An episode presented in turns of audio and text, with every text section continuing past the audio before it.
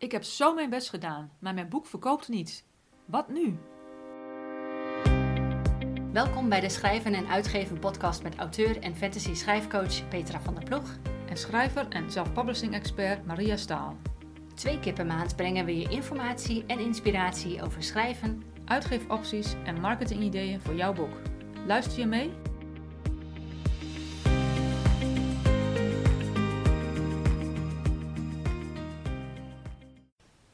Hallo allemaal, mijn naam is Maria Staal en vandaag is het vrijdag 3 februari 2023. Dit is aflevering 40 van de podcast waarin we het gaan hebben over het rebranden van je boek. Petra en ik praten over waarom het soms nodig is om je boek in een nieuw jasje te steken, hoe je kunt zorgen dat je een onweerstaanbare cover krijgt die goed verkoopt en waar je op moet letten bij het samenwerken met een designer. Veel luisterplezier!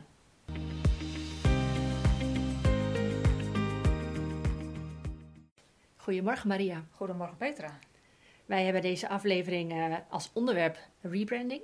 Ja. Heel kort door de bocht is dat eigenlijk je uitgegeven boeken in een nieuw jasje steken en het weer opnieuw uit gaan geven met dat nieuwe jasje. Waarom zou je eigenlijk gaan, gaan rebranden? Wat, uh, wat zou je daar. Uh... Ja, er zijn verschillende redenen waarom je zou gaan rebranden. Ja. Maar ik denk dat het misschien nog even handig is om iets, nog iets meer even uit te leggen over wat dan dat jasje is. Een nieuw ja, jasje. dat nieuwe jasje. Hoe jasje. ziet dat eruit? Meestal gaat het bij rebranden om de cover, dus om de voorkant en uh, eventueel om de titel. Daar gaat het meestal om, dat je dus daar een, uh, nou ja, dat dus aan de buitenkant van je boek, zeg maar, dat je dat gaat veranderen. En waarom zou je dat gaan doen? Bijvoorbeeld omdat je boeken niet verkopen. En dan kan het best zijn uh, dat dat komt omdat je cover niet goed is. Ja. Of omdat je titel niet goed is. Een andere reden dat je zou kunnen gaan rebranden is um, als je bijvoorbeeld een grote backlist hebt. Bijvoorbeeld boeken die je tien jaar geleden hebt uitgegeven. En waar, en waar toen een cover op zat die toen goed was. En paste bij nou ja, alle andere covers en in het goede genre. Maar wat nu gewoon wat ouderwets is. Ja. Dus dan kan je ook uh, dan zeggen van oké, okay, ik wil wat nieuwe aandacht en wat meer van mijn backlist gaan verkopen.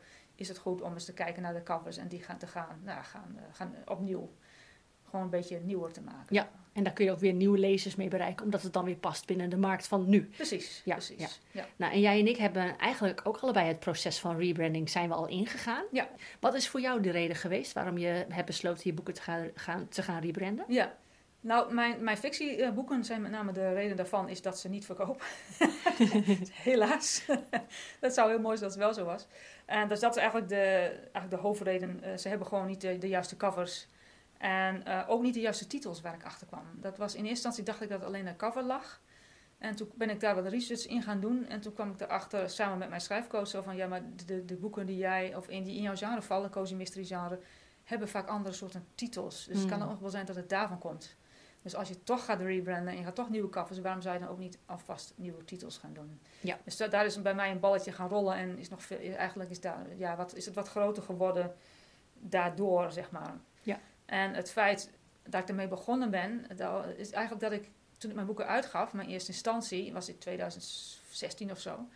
Ik heb er gewoon, ik, was beginnende met fictie. Ik had wel non-fictieboeken geschreven, maar dat is toch wat anders. En ik had gewoon niet bij stilgestaan dat, ja, dat de covers niet goed zouden kunnen zijn op dat moment. Want um, ik heb eigenlijk heel erg gekeken naar een soort cover wat ik leuk vond. Ik had bedacht van, nou, dit is, vind ik een leuke cover. Ik wil dat mijn cover er zo uitziet, dus ik had een designer en die vroeg ook echt van, wat, wat heb jij in gedachten? En zij heeft echt geprobeerd om te doen wat ik wou. Mm-hmm. En achteraf gezien, ja, was, weet ik veel, ik was een groentje. Hè? Zo simpel is het gewoon. Nooit bij stilgestaan dat dat eigenlijk niet is hoe een designer zou moeten werken. Een designer moet eigenlijk zelf de, uh, de input hebben. Zo van, oké, okay, de designer weet hoe het werkt. En als schrijver moet jij, oké, okay, tuurlijk mag je als schrijver wel wat aanwijzingen geven, maar je hoeft niet de designer, designer echt te gaan coachen om te zeggen van, ik wil dat mijn boek er zo uit gaat zien, want dat gaat altijd fout. Ja, ja en dit is een veelgemaakte fout hè, voor schrijvers. Ja. Dat, zij, um, dat zij een designer, als ze al een designer in, in dienst nemen, want er zijn ook genoeg mensen die hun eigen covers maken, als je al een designer in dienst neemt, dat een designer dan eigenlijk jou de leiding geeft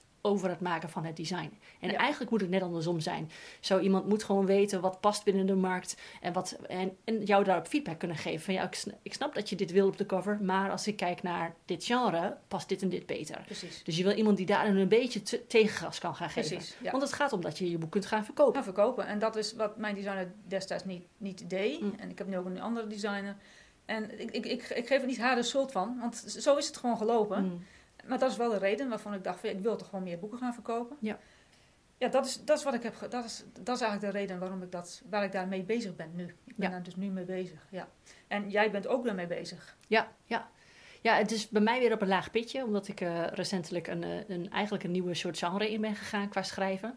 Ehm, maar ik heb wel besloten, de vijf boeken die ik heb uitgegeven, eh, ja, die wil ik eh te zijn tijd wel gaan rebranden met nieuwe covers. en inderdaad ook volledig nieuw in de markt gaan zetten, laat ik het zo zeggen. Ja, ja. En de reden waarom ik het op dit moment dus op een laag putje heb gezet, is omdat het geld wat ik daarvoor wil investeren, gaat op dit moment ergens anders heen. Ehm, dus ja, dat is een van de redenen waarom ik denk van, als je begint met rebranden, zorg dat je weet wat je wilt gaan rebranden. Is het de cover, is het hè, alle, alle redenen die je net opnoemde. Maar ook zorg dat je daar gewoon een goed budget voor hebt. Want je doet het, als het goed is, één keer. En daarna, ehm, je, je wilt het ook gelijk, gelijk goed doen. Precies, als je, als je je gaat rebranden omdat je boeken niet goed verkopen, dan wil je het meteen goed doen. Ja. Wat wel zo is, dat hou je altijd, is dat, en dat is een beetje met die backlist te maken, covers veranderen. Ja. Eh, in het algemeen. Dus het is sowieso goed om één keer in de vijf jaar eens te kijken naar je covers en zeggen van, nou, oké, moet ik daar eens een keer nieuwe covers of een beetje tweaken, dat je een keer, eh, dat het een beetje covers gaat aanpassen. Dat, Ja. is, dat is eigenlijk voor iedere schrijver geldt dat. Dus, maar als je inderdaad gaat kijken naar van, nou, ik, ik, ik ga, mij, ik ga rebranden omdat ik eh, mijn boek niet verkoop, ja, dan zul je daar een bepaald budget voor opzij moeten zetten. Oké, goed. Je hebt besloten, ik ga rebranden. Maar waar begin je dan? Hoe, hoe, ga jij, eh, hoe doe je de rebranding? Heb je Ja. daar tips in? Ja, je begint natuurlijk eerst te kijken van wat is er eigenlijk mis. Want ja, je, je boeken verkopen niet. Laten we daarvan uitgaan dat je boeken niet verkopen. Dan heb je dus, dus een vraag van waarom verkopen mijn boeken niet? Dus dan moet je eerst gaan kijken van, nou ja, waar kan dat van komen? Komt dat mijn flaptekst slecht is? Komt dat mijn boek slecht geschreven is? Komt dat ik mijn marketing niet goed doe? Dat kan natuurlijk verschillende redenen zijn. Maar het kan ook heel goed zijn dat het komt omdat je jasje, het jasje niet goed is. En dat je een nieuw jasje nodig hebt. Om het even zo te zeggen. Dan kom je dus uit bij de cover en titel. En hoe kun je checken dat je cover niet goed is? Nou, wat je kunt doen, wat ik heb gedaan, laat ik zo stellen. Ik merkte dat mijn boeken niet goed verkochten. En ik zat op een Facebookgroep eh voor eh, andere detective schrijvers. Nee, nee, het was niet eens andere detective schrijvers. Gewoon andere schrijvers, zelfpabbers. En ik denk van, ik ga gewoon voor de grap. En ik zag dat mensen dat wel eens deden. Hun cover op plaatsen. Zeg van, geef hier eens feedback op. Wat denk je? En ik heb niet eens gezegd wat mijn genre was. Ze zeggen, ik, dit is mijn cover. Wat denk je dat mijn genre is? Ja. En ik kreeg, eh, ik kreeg te horen, iedereen zei ki- kinderboeken. Hmm. Dus ik denk van ja, dat klopt dus niet, want dat zijn detective verhalen met moorden en alles. Ja? Het is wel cozy mystery, dus het is wel aan de soft kant, maar het is niet, het zijn geen kinderboeken. Dus dan geeft mijn cover de verkeerde uitstraling. Ja. Dat is dan een hele grote reden dat mijn lezer mijn boeken niet koopt, omdat ze denken dat het een kinderboek is. Ja, en dit is trouwens best wel een uitdagende eh, actie die je voor jezelf hebt gedaan. Want je hebt je cover eigenlijk in de wereld gezet met het idee van... ik zeg niet erbij wat het is, ik wil gewoon weten wat, hoe komt het over. En de feedback die je dan krijgt kan heel erg pijnlijk zijn. Ja. Dan, dan, jou, jij, jij vond je covers ook mooi toen de tijd, toen Ja. je ze hebt laten maken. Jij dacht het past goed bij het verhaal. En dan krijg je feedback terug, het zijn kinderboeken. Eh, Ja, daar moet je tegen kunnen. Dus dan moet je wel even een flinke hap chocola Ja. nemen. ja, en tegelijkertijd is dat wel precies wat je nodig hebt. Want als mensen eh, niet die feedback aan je kunnen geven, ga je ook nooit meer boeken verkopen. Nee. Je moet gewoon eh, openstaan voor die feedback en het ook zien als zijnde feedback. Het heeft niks met jou te maken Nee. of met jouw mening over de cover. Want het zijn gewoon alsnog leuke covers, maar het past gewoon niet bij het verhaal. Precies, precies. Je moet, er, je moet daar. Ik denk dat je wel sterk in je schoenen staat, is misschien, eh, misschien te groot woord, maar je moet wel rekening mee houden dat als je dat soort, soort feedback gaat vragen, dat je wel weet dat er ook dat je, dat je feedback krijgt en Ja. dat je niet altijd blij mee hoeft te zijn. Nee, en de feedback is, is ook niet altijd met, met eh, ehm, ehm, hoe noem je dat? Met zachte handen. Met zachte handen, Ja, precies. Er Nee. zijn echt mensen die gewoon reageren stomme covers, bijvoorbeeld. Ja. Ja, dat, daar heb je niet zoveel aan, want wat vind je dan stom? Maar wees daar gewoon voorbereid voor. Maar je hebt dit wel nodig in je proces. Dit, dit moet je gewoon doen. Ja. Ja, absoluut. Dus cover doe je dus op deze manier. Ja, heb ik gedaan. Wat je, nog een tweede manier die je kunt doen, als je denkt van oké, ik heb dus doorgekregen dat mijn cover niet helemaal goed is, Mhm. dan kun je, wat ik dan eh, heb gedaan, is dat ik op Amazon ben gaan kijken. Om te kijken, en hoe moeten die covers dan wel zijn in mijn genre? En mijn, subs, mijn met name. Zo van, want het is gewoon, het is belangrijk, oké, eh, blijkbaar past mijn cover niet bij het genre. Maar hoe zijn die covers dan wel? Hoe vind ik dat uit? Door gewoon in de bestsellerlijsten te gaan kijken op Amazon, wat op dit moment gebruikelijk is. Ja. Wat ook goed verkoopt inderdaad. Want Ja, wat alles wat in die top 10 staat van de bestsellerlijst, Ja. dat weet je, dat past binnen het genre. Dat Dat en, verkoopt. En dat verkoopt gewoon Ja. heel goed. Ja, dus daarin kun je dan ook gelijk jouw cover ernaast zetten. Past dit erbij? Oh, en hier komen we natuurlijk op een punt waar heel veel schrijvers soms last van hebben. Ja, maar ik wil niet dat mijn cover lijkt op, die, op, op andere covers. Ja, nee, ik wil dat mijn cover eruit springt. Ik wil dat die eruit springt. Ja. Ja. wat zou je tegen die mensen zeggen? Nou, als je cover niet lijkt op de andere covers, dan springt hij er wel uit, maar op de verkeerde manier. Hmm, Want dan springt hij er juist uit op zo'n manier van: oké, als een lezer erbij langs gaat, de zoekresultaten. Oké, deze cover eh, springt eruit. Oh ja, maar hij past er niet bij. Ah dit is, het is kinderboek. Ja. Dus voorbij scrollen. ja, ja. Dus hij springt eruit, maar op de verkeerde manier. Ja. Dus ja, je mensen niks aan. mensen Dus eigenlijk- denken dan eigenlijk van het, is niet, het, het zit niet op de goede plek. Het, past hier niet. Het past niet bij mij. Het is vast niet iets wat ik leuk ga vinden. Hmm, Dus je moet zorgen, juist zorgen dat je, je cover juist lijkt op alle andere covers. En dat is zo tegenstrijdig, want iedereen wil dat zijn cover eruit springt. maar dat moet juist niet. Ja, en het kan er wel uitspringen, maar het moet, dat zijn de nuances die het dan Ja. doen. Wat ik heb ontdekt, is ook dat mijn titels niet goed waren. En dat ontdekte ik dus doordat ik die research, research, research ging doen. Het is een moeilijk Het woord. blijft een moeilijk woord. Research ging doen naar die covers. Ontdekte ik dat van, hey verrekken, mijn, mijn titels passen eigenlijk niet, ook niet binnen dat eh, genre. Dus toen ben ik erover na gaan denken en eigenlijk moet ik de titels ook aan gaan passen. Dus het is niet alleen, dat, ik wil niet zeggen dat mensen het altijd hoeven te doen, maar in mijn geval had ik zoiets van, ik kan straks een hele mooie cover hebben die past bij het genre, maar als de titel nog niet bij het genre past, dan zit er nog steeds iets mis. En wat was er, wat was er eh, opvallend in jouw titel, wat, wat er miste bijvoorbeeld? Wat, wat, wat zag je bij andere titels? In het cozy mystery genre en het mystery genre in het algemeen heb je vaak titels met een bepaald woord, bijvoorbeeld murder of death of eh, mystery, weet ik Ja. Die, die, dat een bepaald woord dat vaak terugkomt In de titel. in de ja. titel. En in, als je een serie hebt, komt datzelfde woord in iedere titel voor met een, andere, een aantal andere woorden erbij. Ah, Dus ik heb dus gekozen na veel brainstorming, onder andere met mijn eh, schrijfcoach heb ik gekozen voor het woord eh dead.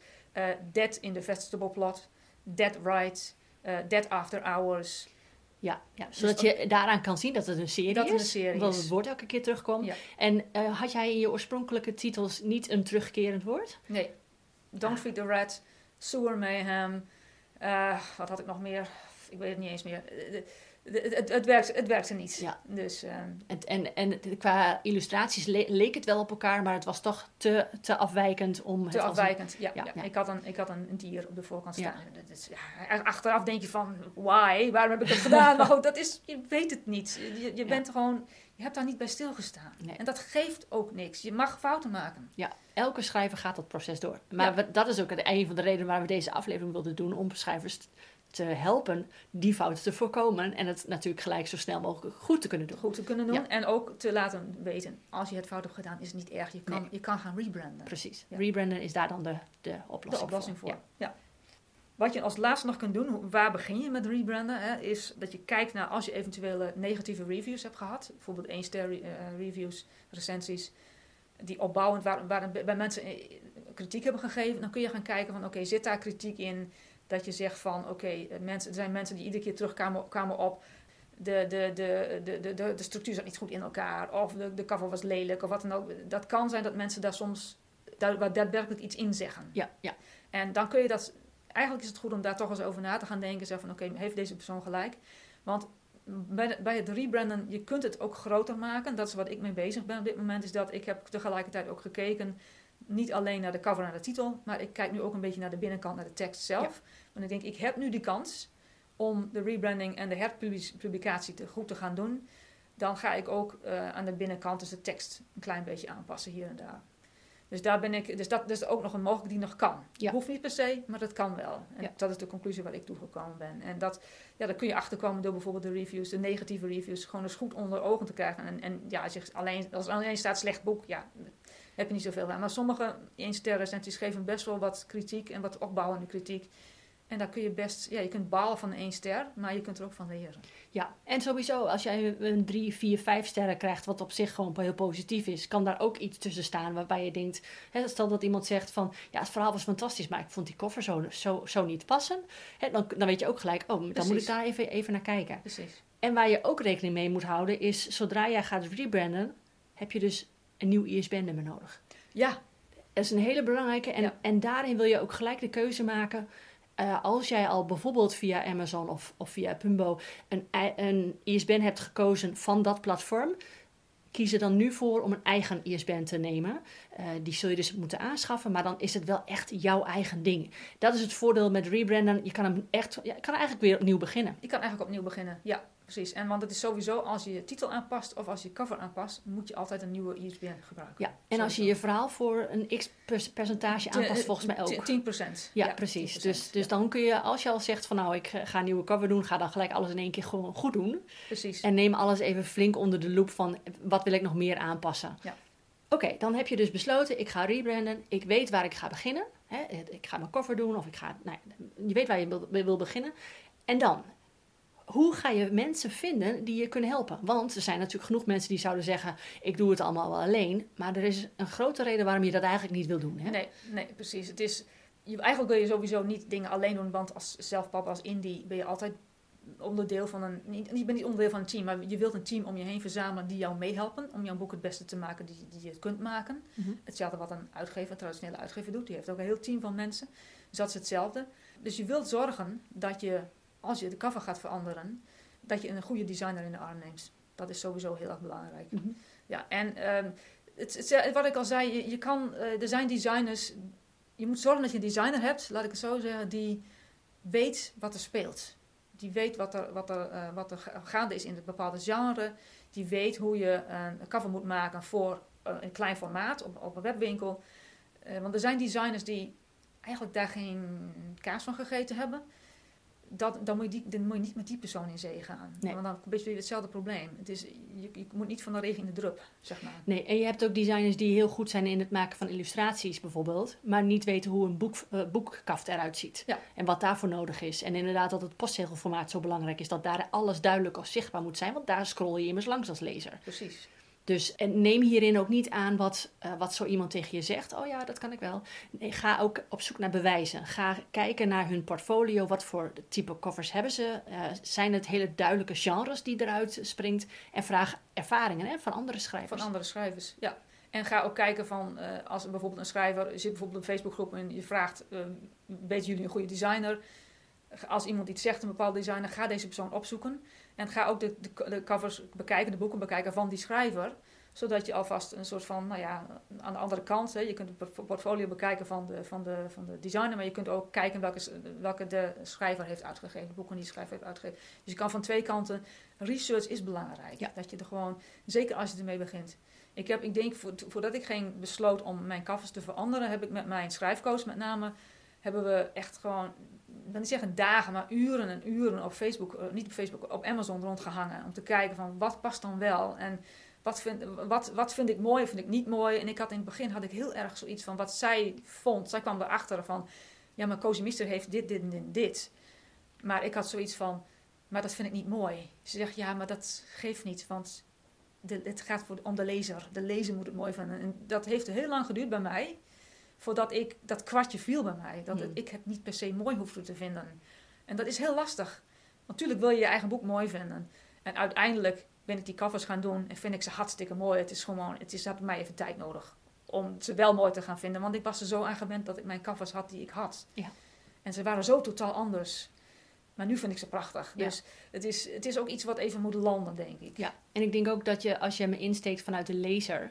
Ja, je kan als lezer zijnde een boek kopen op basis van de kaft. Als je denkt, oh, de kaft is zo mooi, kopen. Dat kan. Eh, maar uiteindelijk is het verhaal wel hetgene waardoor je zou besluiten of je nog een boek wil kopen van zo iemand. Ja. Dan kan je nog zo'n prachtige kaft hebben. Als het verhaal niet matcht met het, de verwachting die zo- zo'n cover schept, ja, dan, dan, dan, dan gaat, dan gaat zo'n lezer ook niet naar een volgend boek. gaat niet naar het volgende boek. Nee, Nee. Dus dat, dat, en, en ja, wil je wel een specifieke cover hebben, dan kun je altijd zeggen: ik maak één specifiek en alleen voor mij. Met die, met die mooie kaft die ik mooi vind, prima. Ehm, maar voor de verkoop, wil je echt goed verkopen, dan moet het gewoon passen binnen die markt. Binnen die markt, zodat je de lezer eh, krijgt wat hij verwacht. Ja. Wat hij, wat hij, en waar hij naar zoekt. Dat is Ja, dat die herkenbaar wat, hij wordt. herkent, Ja. wat hij herkent. Ja. Nou, mooi.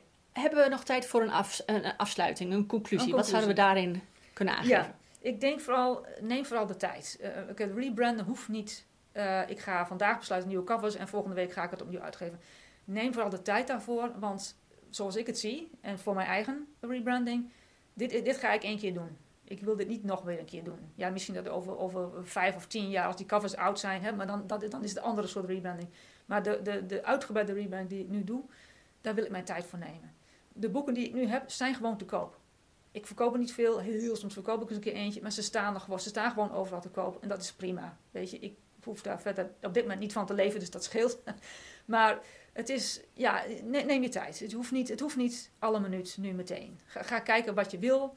Ga ook zorgen dat je, uh, als je besluit van ik wil nieuwe covers, ik wil nieuwe ISBN's, ik wil het allemaal zelf, of, uh, zelf gaan bekostigen. Ja, misschien moet je wel gaan sparen. Ja, dat kan. Ja. Dus om te gaan investeren moet je misschien, misschien heb je geen budget.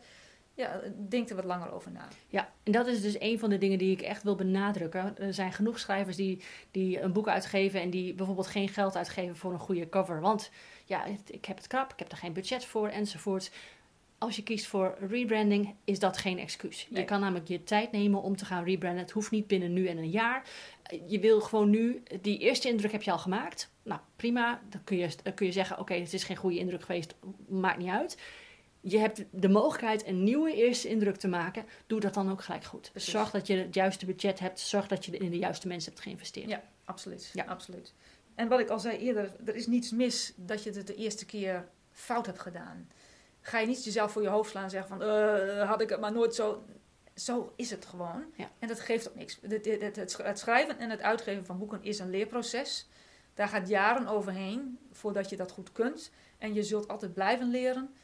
Zo werkt het nou eenmaal. En dat, daar is niks mis mee. Nee. Nee, en dat is ook het hele punt. Hè. Jouw, jouw eerste, mensen houden zich zo vast aan die eerste indruk van... Ja, maar eh, dit, dit boek is geflopt. Ja, nee, dat is helemaal... Ja, misschien wel, maar je kan er toch van leren. Je kan toch een nieuw boek uitgeven op de juiste manier... met de dingen die je hebt geleerd... en kijken wat dat dan oplevert. Precies. Je moet niet opgeven na één boek. Omdat één boek niet goed verkoopt... Het is geen reden om te zeggen, nou, klaarblijkelijk is het niet voor mij weggelegd. Nee, zeker niet, want vooral meerdere boeken verkopen nog weer het eerdere boek. Dus het is, hoe meer boeken je hebt, hoe meer je verkoopt. Precies. Is ook nog weer een feit. Dus dat, ja, dat is helemaal waar. Ja, En, die, en ik denk ook dat dat heel veel schrijvers deze eerste fouten maken hoor. Dus en ik denk dat als jij in een schrijversgroep dit zou vragen van oh, uh, hè, wat is je ervaring met je eerste cover? Dat, dat waarschijnlijk 90% zal zeggen, nou, die is behoorlijk geflopt.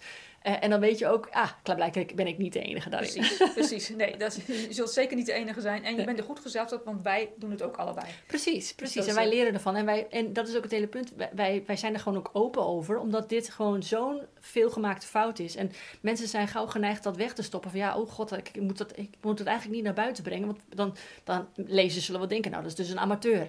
Ja, zo begin je. Je begint altijd als amateur. Maar je kan jezelf professioneel gaan ontwikkelen.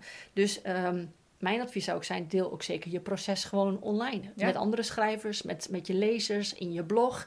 Ehm, wees daar gewoon open en eerlijk over. Deel wat je wil delen, uiteraard. Uiteraard, maar, ja. Ehm, maar ga het niet wegdoen als zijnde...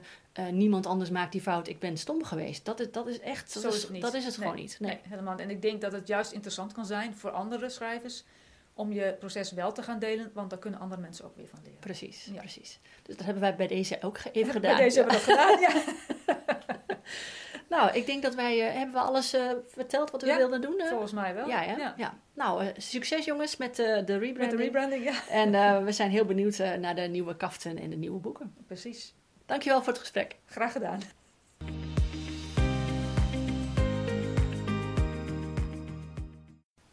Er is geen schaamte in ontdekken dat je dingen beter had kunnen doen wat betreft de productie en het uitgeven van je boek. Als je besluit te gaan rebranden, zorg dan dat je er goed de tijd voor neemt en duidelijk hebt wat je doelen zijn, zodat je de gewenste resultaten krijgt. Dit is voorlopig de laatste aflevering van de Schrijven en Uitgeven podcast. We gaan er even tussenuit om ons bezig te houden met onze persoonlijke doelen. Bedankt voor het luisteren naar onze podcast en tot de volgende keer.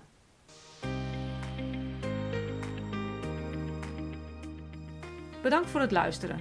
We hopen dat je het leerzaam vond. Meer informatie en inspiratie over schrijven, uitgeven en marketing vind je op onze website schrijvenenuitgeven.nl. Hier vind je ook de show notes en de links naar eerdere afleveringen. Heb je een vraag of idee voor een volgend onderwerp? Stuur ons dan een berichtje. We horen graag van je. Tot de volgende keer.